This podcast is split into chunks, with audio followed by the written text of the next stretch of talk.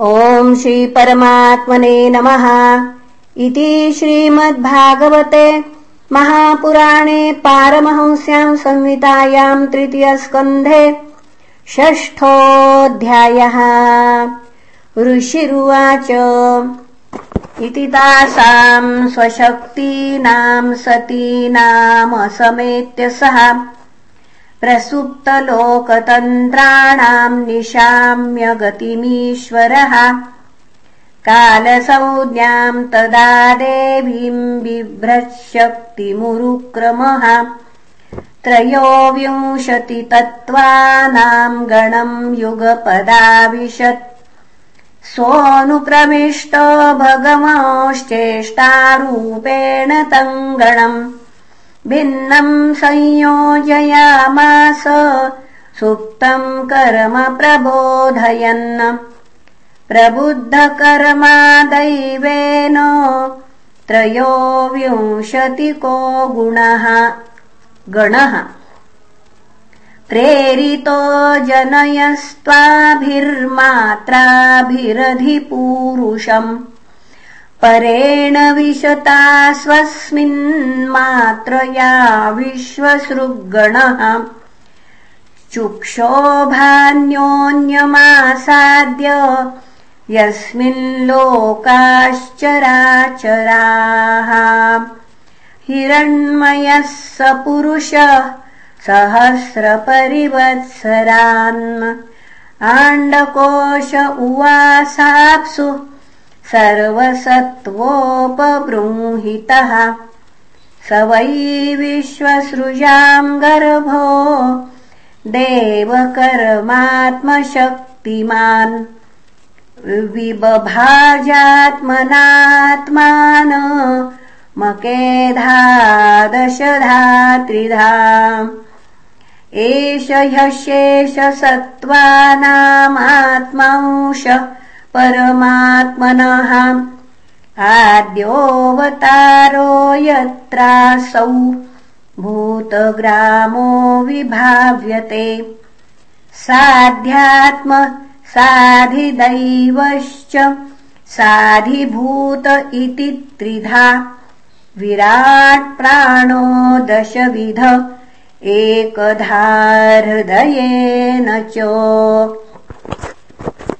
स्मरन् विश्वसृजामीशो विज्ञापितमधोक्षजः विराजमतपस्वेन तेजसैषाम् विवृत्तये।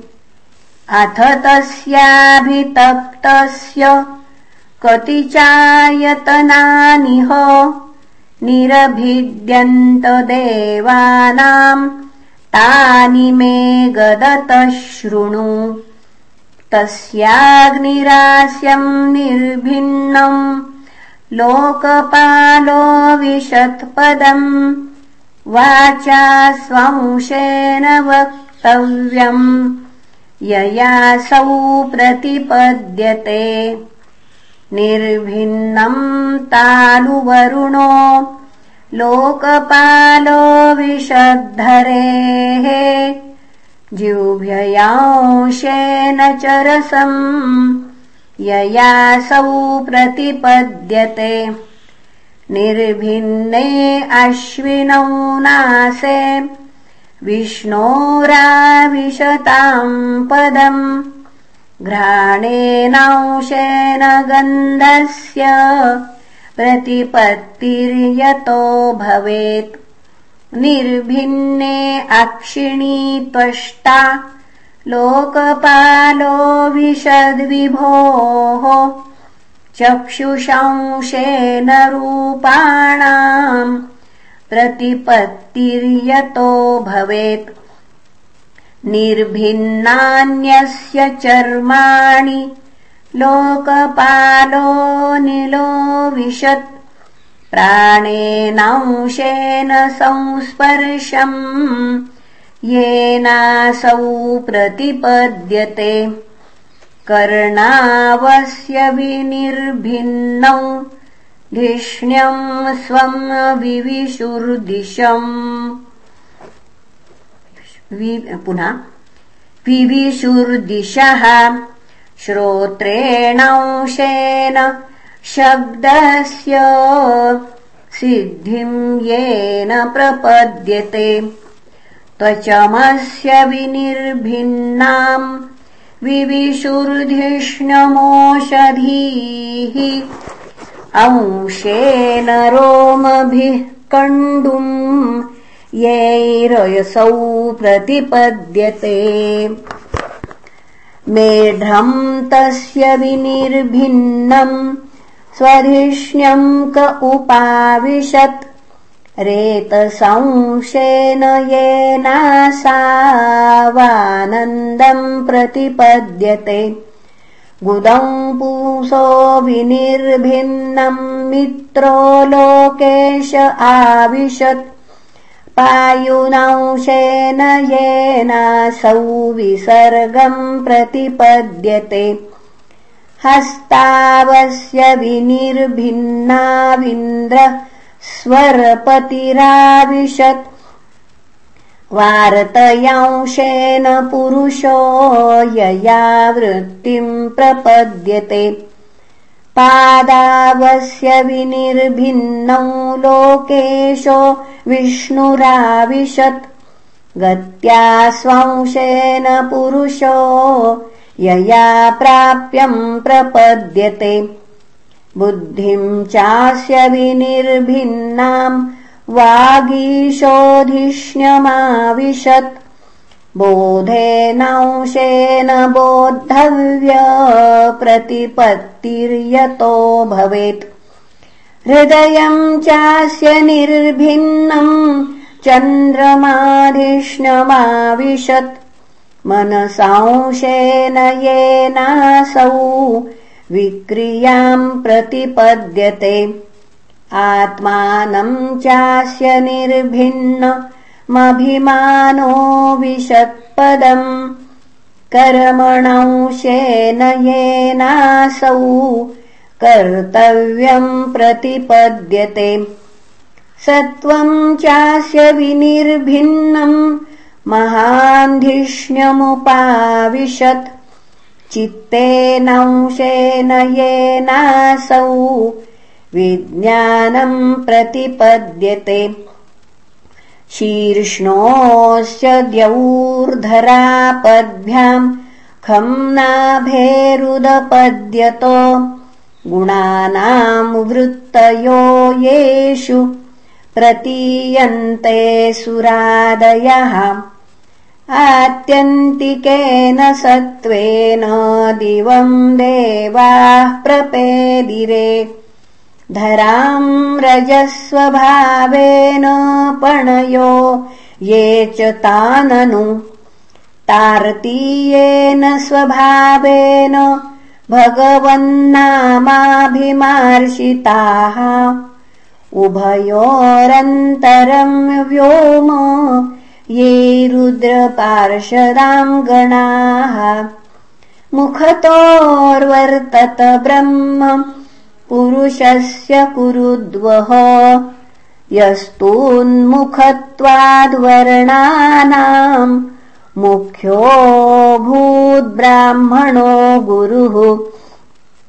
बाहुभ्यो वर्तत क्षत्रम् क्षत्रियस्तदनुव्रतः। यो जातस्त्रायते वर्णान् पौरुषः कण्टकक्षतात् विशो वर्तन्त तस्योर्वोर्लोकवृत्तिकरिर्विभोः वैश्यस्तदुद्भवो वार्ताम् नृणाम् यः समवर्तयत् पद्भ्याम् भगवतो जज्ञे शुश्रूषाधर्मसिद्धये तस्याम् जातः पुरा शूद्रो यद्वृत्त्या तुष्यते हरिः। एते वर्णा स्वधर्मेण यजन्ति स्वगुरुम् हरिम् श्रद्धयात्मविशुद्ध्यर्थम् यज्जाता सह वृत्तिभिः। एतत् भक्तर्भगवतो दैवकर्मात्मरूपिणः। कः श्रद्धध्यादुपाकर्तुम् योगमायाबलोदयम्।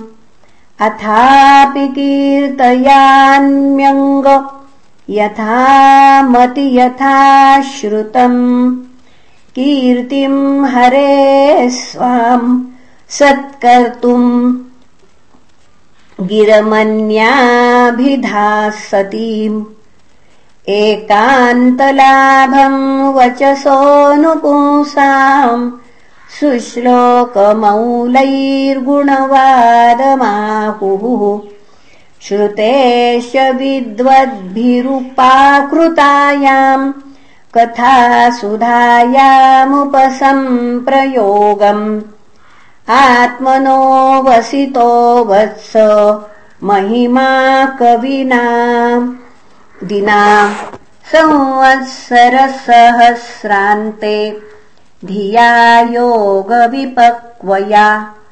अतो भगवतो माया मायिनामपि मोहिनी। यस्त्वयम् चात्मवर्तात्मा न वेद किमुता परे। यतो प्राप्य न्यवर्तन्तो वाचश्च मनसा सह। अहम् चान्यः इमे देवास्तस्मै भगवते नमः। इति श्रीमद्भागवते महापुराणे पारमहंस्याम् संहितायाम् तृतीयस्कन्धे षष्ठोऽध्यायः। श्रीकृष्णार्पणमस्तु। हरये नमः हरये नमः हरये नमः